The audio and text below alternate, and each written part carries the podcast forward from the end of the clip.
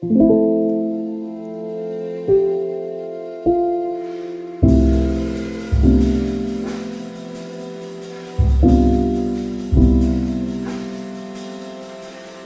det att prata om allt? Är det till och med nödvändigt? Det här är en podcast som utforskar påståendet att hälsosamma relationer börjar med att våga säga som det är. Följ med in i en sårbart stark värld av både tårar och skratt. Varmt välkommen till Pingst Relationer.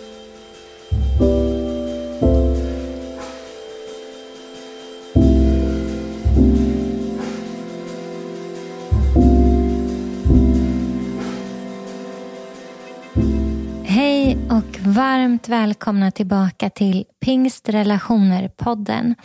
Jag heter Kristin Wiklund och det är jag som har den här podden som en del av min tjänst som verksamhetsansvarig för Pingst Omsorg. Idag har det blivit dags för avsnitt nummer 11. Och det är fortsättningen på det vi pratade om sist. Det har varit en helt överväldigande respons efter förra avsnittet där vi pratade om behov och ryggsäckar och kartor. Så precis som jag sa i förra avsnittet och garanterat nu baserat på den respons som har kommit in från er lyssnare så fortsätter vi på det här temat. Så om du inte har lyssnat på avsnitt 10 ännu så pausa här och gå tillbaka och lyssna på den innan du lyssnar vidare. För det vi säger idag kommer bygga vidare på det som sades i förra avsnittet. I förra avsnittet så pratade vi om behov och ryggsäckar och kartor och vad det är som kan hända när de emotionella behoven som alla människor har inte blir mötta när vi är barn. Um, och Flera av er som hört av er har ställt frågan om vem man kan prata med och hur man kan få hjälp om man har kört fast i det här och inte kan ta sig vidare själv. Eh, min rekommendation är alltid att tala med själavårdare i den egna församlingen eller i församlingar i närheten. De brukar också ha väldigt god kompetens att kunna hänvisa vidare om det är så att det krävs mer professionell hjälp än så. Jag rekommenderar också att gå och prata med någon. Att regelbundet gå och prata med någon. Att ta emot samtalsstöd av en psykolog eller en terapeut. Jag tror att det är ett fantastiskt verktyg som egentligen kanske alla människor behöver i olika säsonger och perioder av livet. Att någon går med dig en bit på vägen, en medvandrare. Det finns delar av det som själavården gör helt fenomenalt och sen finns det delar av det som vi ibland behöver terapin eller Eh, en psykolog som, som liksom har andra, eh, mer kliniska verktyg och har insikt i hur hjärna och hjärta och så fungerar. Och ofta så tror jag att det är kombinationen av själavård och terapi som hjälper oss bäst. Eh, flera av er har också sagt eh, att det är ett problem. Att det verkar inte finnas så många kunniga terapeuter som också profilerar sig som kristna. Att man när man söker hjälp och när man söker stöd gärna vill ha och gå hos någon som också har förståelse för eh, den, den aspekten av ens liv och den delen av vem man är. Ens tro som en sån viktig del eh, av en själv. Och det, jag håller med om det, att det är ett problem att vi har, vi har inte så jättemånga som liksom bryggar det glappet, som står och har både den kliniska kunskapen och förståelse för det teologiska och kontexten kring kristenheten. Och det, det är väl ett av skälen till att jag faktiskt har den här podcasten, för att försöka hjälpa till att brygga det lite grann. Men jag rekommenderar verkligen att man ändå hör av sig och frågar. Därför att till exempel så känner jag några stycken eh, som faktiskt jobbar kliniskt som psykologer eller psykoterapeuter eh, eller inom traumaterapi på olika sätt och som också är kristna och som om man kommer till dem eh, man kan faktiskt få eh, hjälp även utifrån det. Och en av de personerna kommer ni faktiskt att få möta här i podden i nästa eh, avsnitt. För då kommer vi ha en gäst med en person som jobbar mycket med traumaterapi och mycket med barndomsår och så och som jobbar eh, enligt terapeutiska metoder men som också har sin grund i Jesus och i att den helige Ande både kan och vill vara verksam i vårt läkande. Så det kan ni se fram emot. För jag vill aldrig att den här podden ska eh, liksom bara dra igång en massa processer i oss men sen inte också peka mot en väg framåt, mot den hjälp som kan fås och det stöd som kan ges. För det finns så väldigt, väldigt mycket gott och hoppfullt. Och oavsett hur din barndom har sett ut, oavsett om du efter förra avsnittet hamnade i ett läge där du började bearbeta och gå igenom minnen och processer um, och frågor som sattes igång och frågor som ställdes kring kanske vad du egentligen har varit med om så finns det hopp. Du är inte ensam.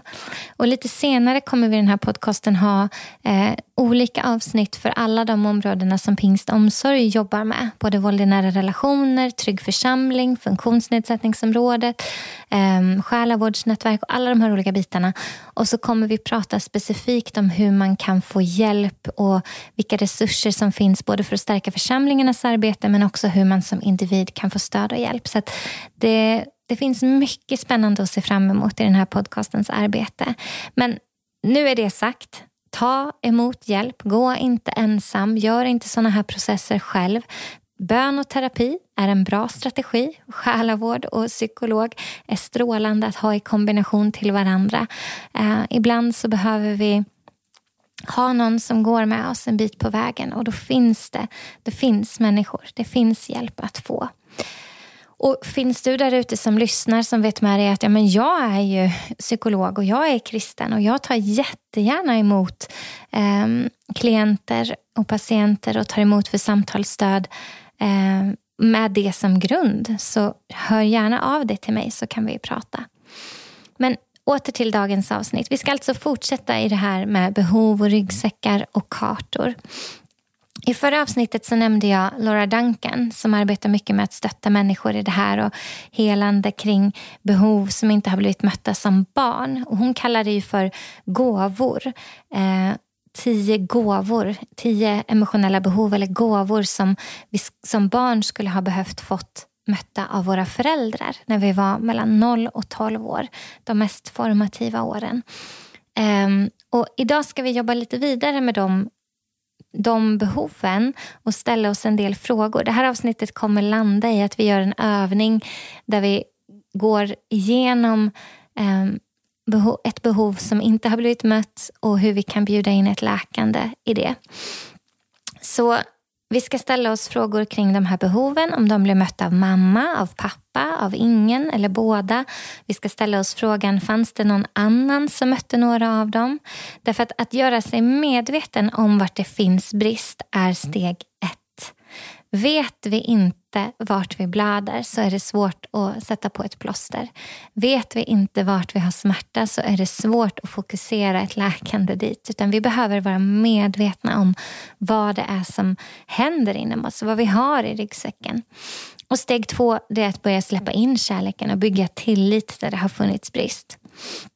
Så min förhoppning med dagens avsnitt är att vi kanske kan få landa i lite hopp om läkande till de platserna av brist och att processen kanske kan få börja redan idag. Så nu kommer en liten påminnelse om vilka emotionella behov, emotionella gåvor som behöver bli mötta av våra föräldrar när vi är barn, som Laura Duncan talar om. Och då är det behovet av att bli hörd, att bli sedd, att vara accepterad, att bli lekt med, att bli lärd och undervisad, att vara försörjd, att vara beskyddad, att känna sig värdefull, att känna sig tillräcklig eh, och att bli visad att du är värdefull och tillräcklig, bra nog. Och att känna omtanke, omsorg. De gåvorna behöver våra föräldrar ge oss när vi är barn. Och ges de inte konsekvent över tid så finns det en risk att brist uppstår och att det påverkar oss och driver oss som vuxna.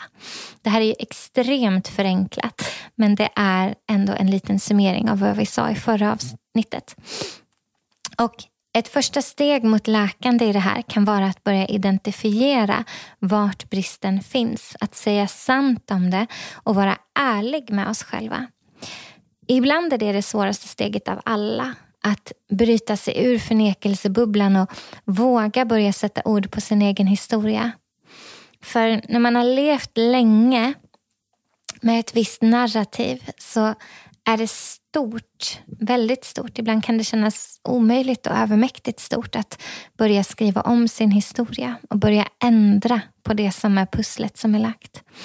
Men det första steget är det svåraste och alla steg därefter är enklare. Och det blir enklare. Därför att det är så att när vi börjar äga vår egen historia och liksom säger sant om det vi har varit med om så byggs det tillit till oss själva och förlåtelse och försoning börjar bli möjligt för att historien nu kommunicerar sant. Och först när historien kommunicerar sant kan förlåtelse och försoning och upprättelse ske. När vi, när vi liksom förnekar att det har hänt någonting eller att det har funnits brist så blir det också väldigt svårt att få ett läkande till den platsen. Så det första steget är det att säga sant om det som har varit. Och då kan den platsen som varit låst både i lögner och i brist börja kunna läka.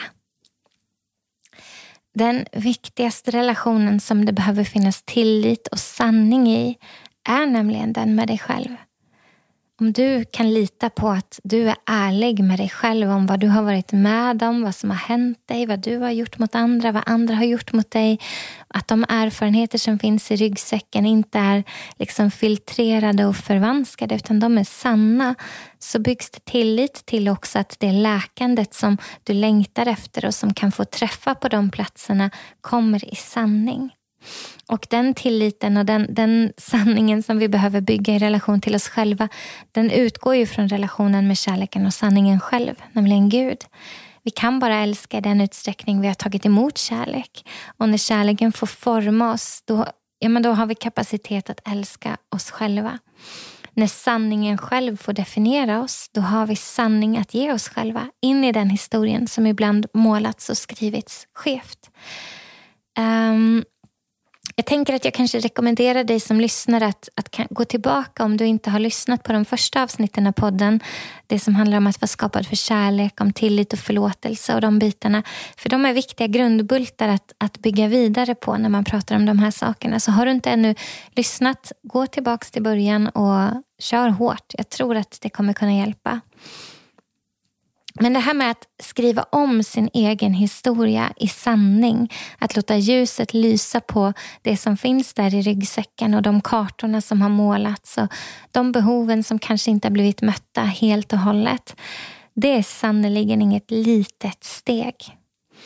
Jag minns så tydligt när min egen bubbla började spricka. Det var inte en vacker syn. Och kanske finns du där ute som kan känna igen dig i att ha ägt ditt eget narrativ, att ha berättat din egen historia på ett visst sätt så länge att det nästan börjar kännas som lögn när den börjar skrivas om. Att det, det är liksom nästan ogenomträngligt starkt, omöjligt att rubba, omöjligt att skaka. Och när då det här pansaret börjar rasa och slöjan börjar lyftas och man börjar se annorlunda på det som man har varit med om eller det man har i ryggsäcken så kan det kännas överväldigande och omöjligt. För mig var det som att som om allt det jag trodde att jag hade erövrat och all den mark som jag trodde att jag hade vunnit började skaka. Som om allt det jag hade landat i och erövrat trygghet i plötsligt kunde ifrågasättas och vara öppet för förhandling. För när pelare skakas så påverkas hela tillvaron. Inte bara det som man tittar på för tillfället utan allting. Nästan allt blev öppet för förhandling. Det fanns såklart några saker, några få saker jag inte ifrågasatte överhuvudtaget men det allra mesta blev plötsligt öppet för att ha processer och frågor kring. Och jag var livrädd för frågorna till en början. Livrädd för vad som skulle hända om jag på riktigt började säga sant om vad som var vad. Om jag började uttrycka och ärligt processa den brist som fanns i min egen ryggsäck. Vad skulle det innebära för min relation med människor runt omkring mig som jag älskar? Vad skulle det innebära för alla fina minnen, underbara minnen, ljusa minnen som jag har? Tänk om jag inte kunde få ha kvar dem? Vad skulle det innebära för hur jag hade förstått min egen existens, min barndom och innebörden av vad andra människor sagt och gjort och valt i olika säsonger? Tänk om allt skulle landa i papperskorgen. Tänk om inget skulle kunna bevaras. Jag kan trösta och lugna dig som känner igen dig i den rädslan att så behöver det inte bli. Utan det som är ljust och fint och de vackra minnena, de får bevaras de får restaureras. De får skrivas sant och de, de, får, de får stanna kvar där. Det är bara... Jag tror ibland att det är... Hur ska jag säga? Jag tror ibland att vi behöver ha möjligheten att få skriva om även dem för att våga låta sanning träffa även på de platserna. Ehm, det är när vi liksom är rädda som vi drar oss undan och gömmer oss och inte vågar möta vår egen historik. Så jag behövde komma till den punkten där jag faktiskt accepterade att allt kanske kommer rasa. Men det gjorde det inte. Det finns enormt mycket vackert i min ryggsäck och så många, många fina minnen och så otroligt många lyckliga stunder och mycket som det inte finns brist kring. Men det finns också annat. Men den här rädslan som kickade in blev en otroligt påtaglig närvaro. Så vad gjorde jag då?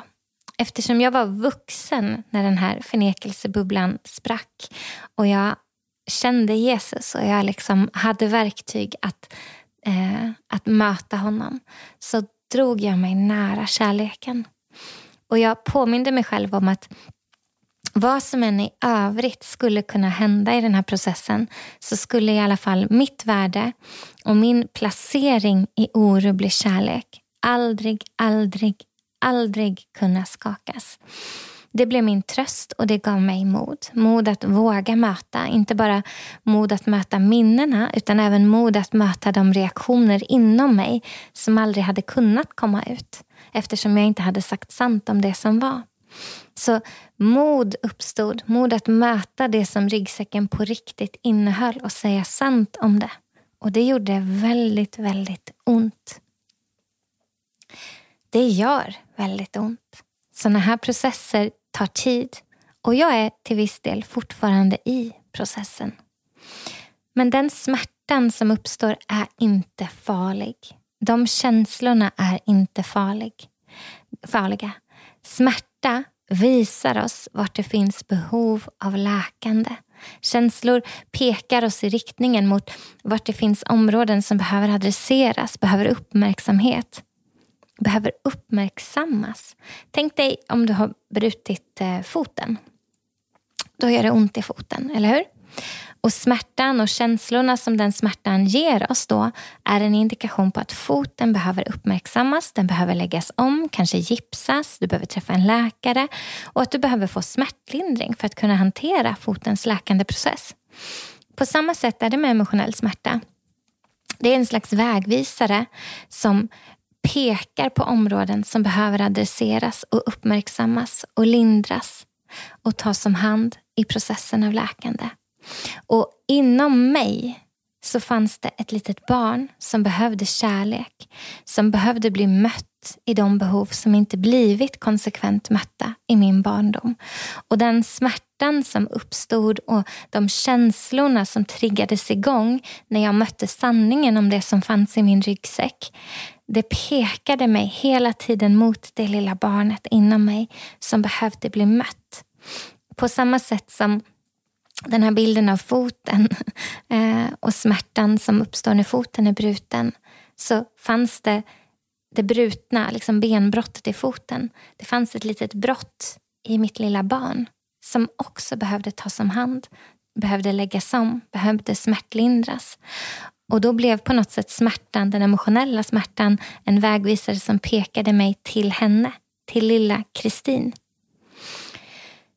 Ibland så talas det om dekonstruktion och rekonstruktion av tro.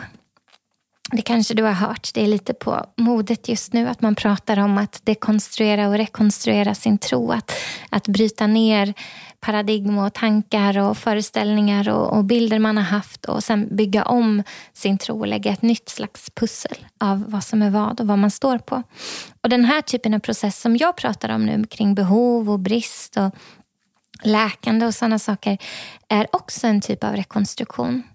Ehm, en rekonstruktion av det som man har trott på och byggt sitt liv på. Man kan tänka på en dekonstruktion som, om du tänker dig att du har ett hus som är byggt i tusen legobitar. De där små bitarna du vet. Bitarna sitter ihop och när var och en är på sin plats så håller huset ihop. Om man börjar plocka bort bitar så blir huset mer och mer instabilt och hål uppstår här och var och det är inte längre tal om att det man har framför sig längre är ett hus utan det ser snarare ut som ett halvfärdigt, trasigt, oklart bygge. Och när man börjar plocka bort bitarna så kan man också se vilka bitar som egentligen inte matchade med varandra. Man kan se hur det kanske från början verkade ha funnits en idé om att bygga i ett uttänkt och konsekvent mönster, en färgkombination där till exempel grön och röd och vit placerades som lott i ett vackert mönster. Men att det efter ett tag verkar ha tagit slut på gröna bitar. Och då började kompromissandet och Vita bitar och röda bitar började tryckas in och ta plats. Och efter en tid kanske mönstret hade bytts ut helt. På vissa ställen kanske en blå bit tryckts in för att en vit saknades. Och i vissa fall kanske två platta bitar satts ihop för att utgöra en stor bit. När du då öppnar taket på huset och börjar titta in och plocka isär så kan du också välja vad du vill sätta ihop vart. Du kan också se vart smulor och skräp och hårstrån har fastnat mellan legobitarna. En dekonstruktion leder nämligen i bästa fall till en rekonstruktion. Ett nytt ihopbyggande, ett nytt sätt att sätta ihop bitarna. Ett nytt prioriterande, ett nytt värderande, ett nytt sannare narrativ och att se vilka bitar som suttit ihop felaktigt och välja att byta ut de felaktiga bitarna mot en rätt bit. Jag hoppas att den bilden kanske talade till någon av er.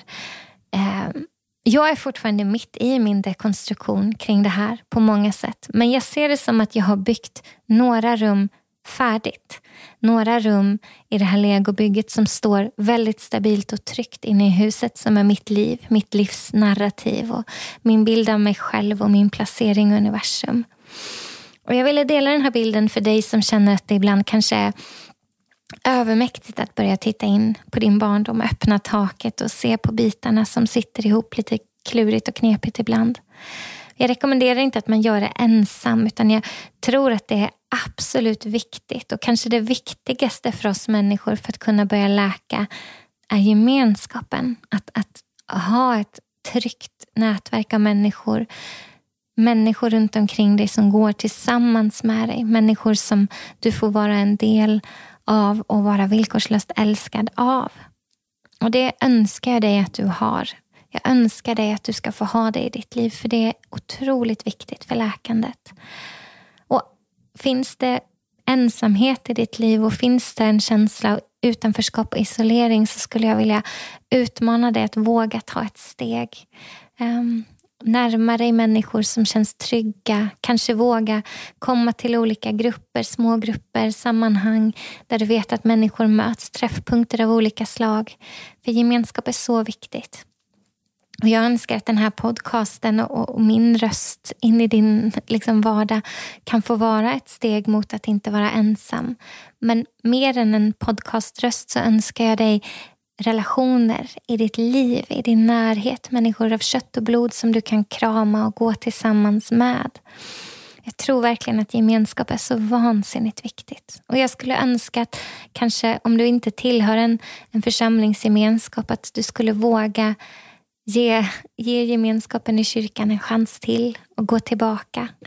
Um, kanske våga prata med grannen över staketet. Kanske våga ta en chansning och skicka ut det där smset. För ensamhet är inte bra för oss människor. Vi är, vi är skapade för relationer och gemenskap och vi läker bäst i gemenskap.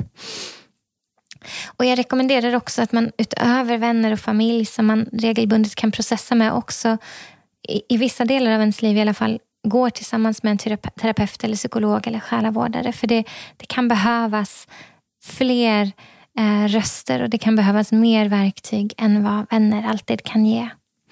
Så med den här bakgrunden av vad det är lite grann och hur det kan se ut och hur processen kan vara eh, och det jag har delat kring min egen process så skulle jag vilja att vi vågar titta in lite grann. Om du tänker på din barndom just nu. Utifrån de här behoven som vi har pratat om, att bli hörd, att bli sedd, att vara accepterad, att bli lekt med, att bli lärd och undervisad, att vara försörjd, att vara beskyddad, att känna dig värdefull, att känna dig tillräcklig, att känna omtanke och omsorg. Fanns det något behov du tydligt kan identifiera som inte har blivit mött? En gåva som du inte fått konsekvent och villkorslöst som du nu märker att som vuxen så påverkar det dig. Eller du kanske är tonåring som lyssnar på det här och inser att ja, men, det fanns brist. Det fanns brist av det här och det här skälet. Och det behöver inte vara världens största grej men du kanske identifierar att det här påverkar mig. Jag känner mig otrygg eller jag känner mig inte bekräftad. Eller jag märker att jag blir väldigt kontrollerande när jag känner att jag inte kommer få mina behov mötta och att du kan identifiera att det har funnits brist och att det påverkar dig nu. Skulle du våga titta tillbaka lite på din barndom och fundera över andra människor som fanns runt omkring dig i den här tiden? Vänners föräldrar, pastorer, lärare, grannar, andra trygga vuxna som specifikt har mött det behovet du finner brist i din egen ryggsäck kring. Jag kan ge ett exempel från min egen barndom. Jag nämnde i förra avsnittet att behovet av att få känna mig konsekvent trygg och beskyddad och försörjd var någonting som det fanns brist kring. Jag nämnde att det var många grundpelare som skakade i min barndom och gjorde att det uppstod brister som cancer och skilsmässa och andra saker som gjorde att det skakade. När jag går tillbaka till den känslan, vilket jag ganska ofta behöver göra, för läkande är en process, och den upplevelsen av brist kring trygghet och ser det behovet som inte blev mött och möter lilla Kristin på min insida som, som behöver få det behovet tillgodosett så kan jag ganska ofta se hur Gud visar mig andra personer, påminner mig om minnen av andra personer och pekar mig i riktningen mot andra personer som i samma tid och period av mitt liv klev in och på olika sätt fyllde det behovet. Till exempel så var det en, en kompis föräldrar som fortfarande var gifta och modellerade den här stabiliteten som jag så längtade efter. De inkluderade mig verkligen i deras familj och jag minns speciellt en period då jag ofta var ensam hemma. Och Det var lite oklart och ostadigt kring middagar och det kunde hända att jag eh, som ganska liten åt middag själv. Under den perioden, när jag tittar tillbaka på den bristen som uppstod i mig och det, det behovet av att vara trygg och försörjd och, och beskyddad och detta som det faktiskt uppstod brist kring, så kan jag se vilken familj, eller vilken, vilken gåva den familjen fick vara till mig. Ehm, de inkluderade mig i sin familj och det var liksom helt självklart att jag kunde vara med och äta och det var aldrig något konstigt utan de satt ner tillsammans, åt och pratade om dagen och jag fick vara med. Och när jag går tillbaka in i det minnet och tänker på att ja, men det här skedde faktiskt parallellt med och i samma period som det var stormigt hemma hos mig så kan det minnet vara med och ge läkande till det såret, till den smärtan, till den bristen. Det kunde vara andra personer också. Det kunde vara en fritidspedagog som gav mig extra uppmärksamhet och lät mig vara med i olika projekt kring musik och film, vilket jag älskade och alltid har varit ett stort intresse för mig. Och den uppmärksamheten och den, den liksom närvaron av en annan trygg vuxen som investerade tid och liksom kraft i mig fick mig att känna mig så värdesatt och viktig och prioriterad. Och det minnet kan också bidra till ett läkande för mig. Så lite så tänker jag mig att den här övningen är. Om du tänker på din uppväxt och väljer ut ett av de här områdena, ett av de här behoven, en av de här gåvorna. Kanske att ha blivit lekt med, kanske att ha känt dig beskyddad. Och när vi gör det här nu i en podcast där vi inte sitter i samma rum så skulle jag råda dig till att inte välja det jobbigaste minnet. Inte det mest dramatiska, inte det mest traumatiska utan någonting som kommer ganska lätt till dig och som du kan processa ganska lätt. Om du skulle välja ett område, en gåva, ett behov, ett område där det finns brist. Kanske att ha blivit hörd, att ha haft en röst och känna att din röst var värdesatt. Någonting. När du var mellan 0 till 12 år en gåva som du hade behövt att dina föräldrar gav dig. och välja ut ett område där det finns brist. När du har valt det området och så ställer du dig själv den här frågan. Till exempel, hörde min mamma mig? Lekte min pappa med mig? Kände jag mig trygg? Och så funderar du på, blev det här behovet mött av mamma, av pappa, av ingen eller båda? Så du har ditt minne, du har ditt behov, du har bristen, du har den här reflektionen kring om mamma, pappa, ingen eller båda mötte det konsekvent under din barndom. Så tar du några sekunder och lyssnar in vad som händer i dig när du tänker på det. Vi ska nämligen göra en övning som vi har gjort förut som heter Mötesplatsen. Och vi ska bjuda in en annan trygg person till det här minnet. Jag skulle vilja att du tänker på det här minnet som du har, det här området där det finns brist. Och så skulle jag vilja, när du har funderat över om mamma, pappa, ingen eller båda mötte det behovet hos dig, så skulle jag vilja att du stannar upp och tänker, fanns det någon annan som i den tiden i mitt liv mötte det behovet? Fanns det någon annan som fick vara trygghet, som fick vara försörjning, som fick ge mig kärlek och uppmärksamhet, omtanke, ehm, tillgivenhet, som visade att du var värd att investera lek eller undervisning eller vad det nu kan vara i. Så beroende på vilket område du har, om du till exempel har valt att, um, att bli lekt med och du kanske har ställt dig frågan och landat i att ja, men det fanns brist. Pappa lekte inte med mig till exempel. Så får du fundera, fanns det någon annan trygg vuxen som lekte med mig under den tiden? Och så kanske du minns en granne eller du kanske minns en lärare eller du kanske minns en kompis förälder. Och så ska vi göra den här mötesplatsen övningen som jag har lärt mig för många, många, många, många år sedan av någon, jag minns inte vem. Och sen blev jag påmind om den för några år sedan av min favoritteolog Bradley Jersak. En kanadensisk teolog. Eh, och Det är en otrolig övning och jag märker hur jag gör den mer och mer. Avslutar möten allt oftare med den övningen för det verkar hända någonting när vi bjuder in Jesus till platsen som gör ont. Så vi ska göra mötesplatsen-övningen och så ska vi bjuda in minnet av den här personen som faktiskt har mött det behovet som det finns brist hos. Så det är vad vi kommer göra och sen kommer avsnittet att vara slut. Så om du vill så får du lägga din hand på ditt hjärta och ta ett andetag och stilla ner dig. Om det känns tryggt för dig så kan du blunda om du kunde möta Jesus just nu på en plats som var 100% trygg för dig. Vart skulle du ha det mötet? Det kan vara vilken plats som helst. En båt, en strand, i skogen, i ditt vardagsrum, i kyrkbänken, på en gunga. En plats som är trygg för dig. Du vet, Gud har skapat vårt inre. Han har skapat vår fantasi och vår kreativitet och våra minnen och vår hjärna, hur den fungerar. Så för mig är det självklart att han också kan möta oss i den inre världen som han har skapat. Så vilken plats som än målas upp inom dig så är den okej. Okay. Om han skulle komma och möta dig där, på den platsen där du är helt trygg, hur skulle han komma? Hur skulle han visa sig för dig? skulle han komma som en pappa, som en vän, som ett lejon, som ett lamm, som ljus, som en melodi, som en kram. Om det går, skulle det gå att föreställa dig att han kom till dig som Jesus.